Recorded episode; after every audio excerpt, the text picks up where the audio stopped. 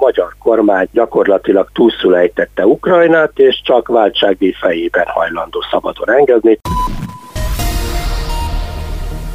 Mert hogy a nekünk ez elvi kérdés, tőle jutottunk odáig, hogy a kormány megzsarolta az uniót, hogy elállnánk az ukrán támogatás megvétózásától a befagyasztott EU-s pénzekért cserébe. Miközben mi a morált, az argentinok a pezót értékelték le. Egyik sem valami pampás.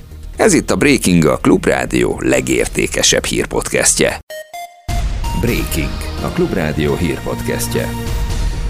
Ukrajna, Ukrajna, Ukrajna, Ukrajna, Ukrajna, Ukrajnában. Ukrajna Európai Uniós csatlakozási tárgyalásainak megkezdéséről volt szó szerdán délelőtt a parlamentben, ahol Orbán Viktor is felszólalt. A miniszterelnök szerint Ukrajnával kivételezik az EU, nem tartják be az uniós szabályokat. Szerinte, ha ez így megy tovább, az unió megszűnik létezni. Ez a gondolat jelenleg abszurd, nevetséges és komolytalan. Tehát a magyar kormánynak nem is áll szándékában támogatni ezt. Én arra szeretném kérni a kép képviselőket, ideértve a baloldalt is, hogy Ukrajna Európai Uniós tagságának ügyét ne tekintsék pártkérdésnek. Ezt tekintsük nemzeti ügynek. Ukrajna Európai Uniós tagsága így, ebben a formában éles ellentétben áll Magyarország érdekeivel. Az ellenzék pedig Orbán Viktor nézetével. A DK-s Arató Gergely szerint annak ellenére is lehet Ukrajna tagjelölti státuszáról tárgyalni, hogy az ország nem lesz az unió tagja rövid távon, csak hosszabb távon. Az a magyar nemzeti érdek, hogy a legnagyobb szomszédunk barátunk legyen, vagy az, hogy ellenségünk. Az a magyar nemzeti érdek, hogy az unión belül tudjuk a kárpátai honfitársainkat is, vagy az, hogy egy új vasfüggöny mögé szoruljanak. Amit most önök javasolnak, az nem Magyarország, nem a magyar emberek, nem a kárpátai magyarok érdeke. Ez Putyin érdeke. El elárulom, így folytatta a DK-s képviselő, akivel Gelencsér Ferenc a Momentum elnöke is egyetértett. Szerinte ugyanis a kormány azért nem támogatja Ukrajna EU-s csatlakozását, mert az orosz érdekeket képviselik,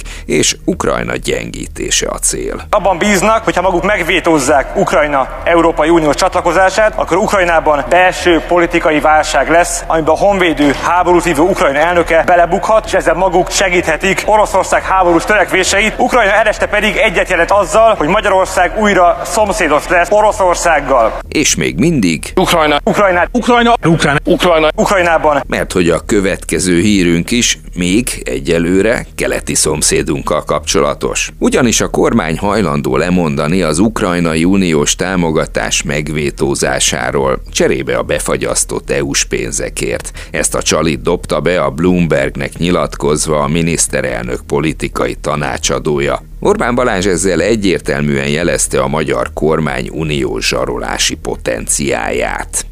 Nagyon rossz képet fest a kormány erkölcsi állapotáról ez a kijelentés. Ezt már Szent Iványi István külpolitikai szakértő mondta. Orbán Balázs most leleplezte a valódi szándékokat. Eddig is azt sejtettük, hogy ez van emögött, de azért ilyen durván és ilyen nyilvánvalóan kimondani ezt, ráadásul meghazudtolva Orbán Viktor, Ciártó Péter, Bóka Jánost, akik azt bizonygatták, hogy semmi köze a két ügynek egymáshoz, nekik egy elvi álláspontjuk van. És azzal, hogy semmiféle elvi álláspont nincs, az elvi álláspont az, hogy meg akarjuk kapni a pénzeket.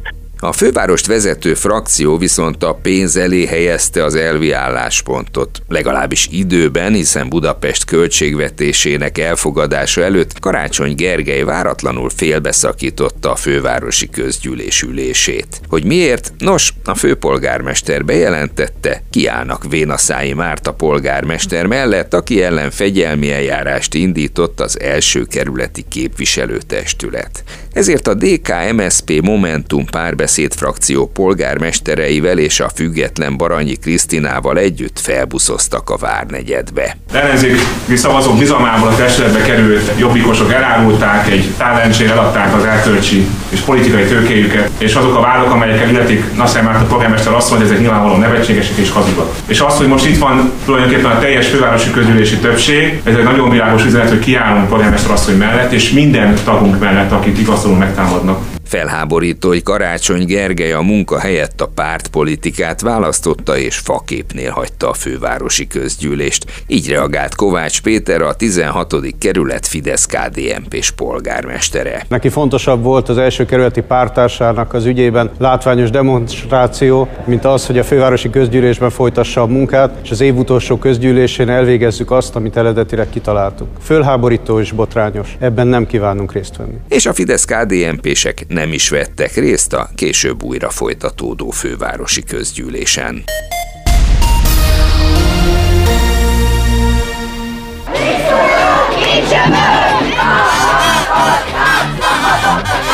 A diák tüntetéseken elhangzott rigmusok alapján sejtem, hogy most a következő hírben valami újabb csalafintaságot várnak a kormányzattól oktatási kérdésekben. Hát Erről őket kellene megkérdezni. Konkrétan arról, hogy mi ez az újabb kérdezősködés. Hogy milyen célral indít a belügyminisztérium most úgymond iskolai ügyekben ismét felmérést.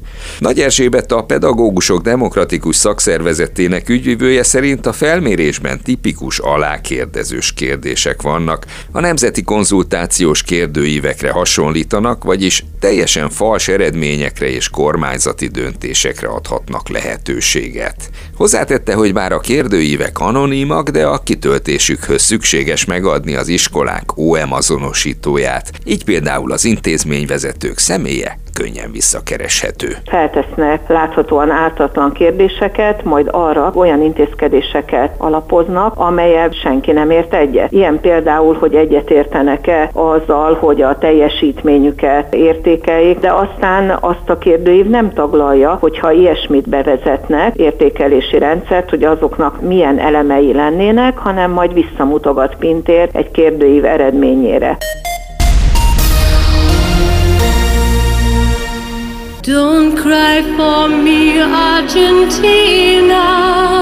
Ha már az előbb visszamutogatásról volt szó, akkor éppen ezt teszi az argentin kormány. És az ottaniak jelentős része feltettően bizony sírva fakadt, amikor Luis Caputo gazdasági miniszter bejelentette, hogy 50%-kal csökkentik a peso értékét. Az amerikai dollár átváltási árfolyama ezzel mostantól 365 helyett 800 peso lesz. A miniszter az állami kiadások jelentős csökkentését is bejelentette. Kaputó szerint a létező legrosszabb gazdasági helyzetet örökölték meg, és a lépések azt a célt szolgálják, hogy elkerüljék a hiperinflációt. Argentina ugyanis brutális inflációval küzd. Tavalyhoz képest 150%-kal emelkedtek az árak, miközben ráadásul 40%-os a szegénységi küszöb.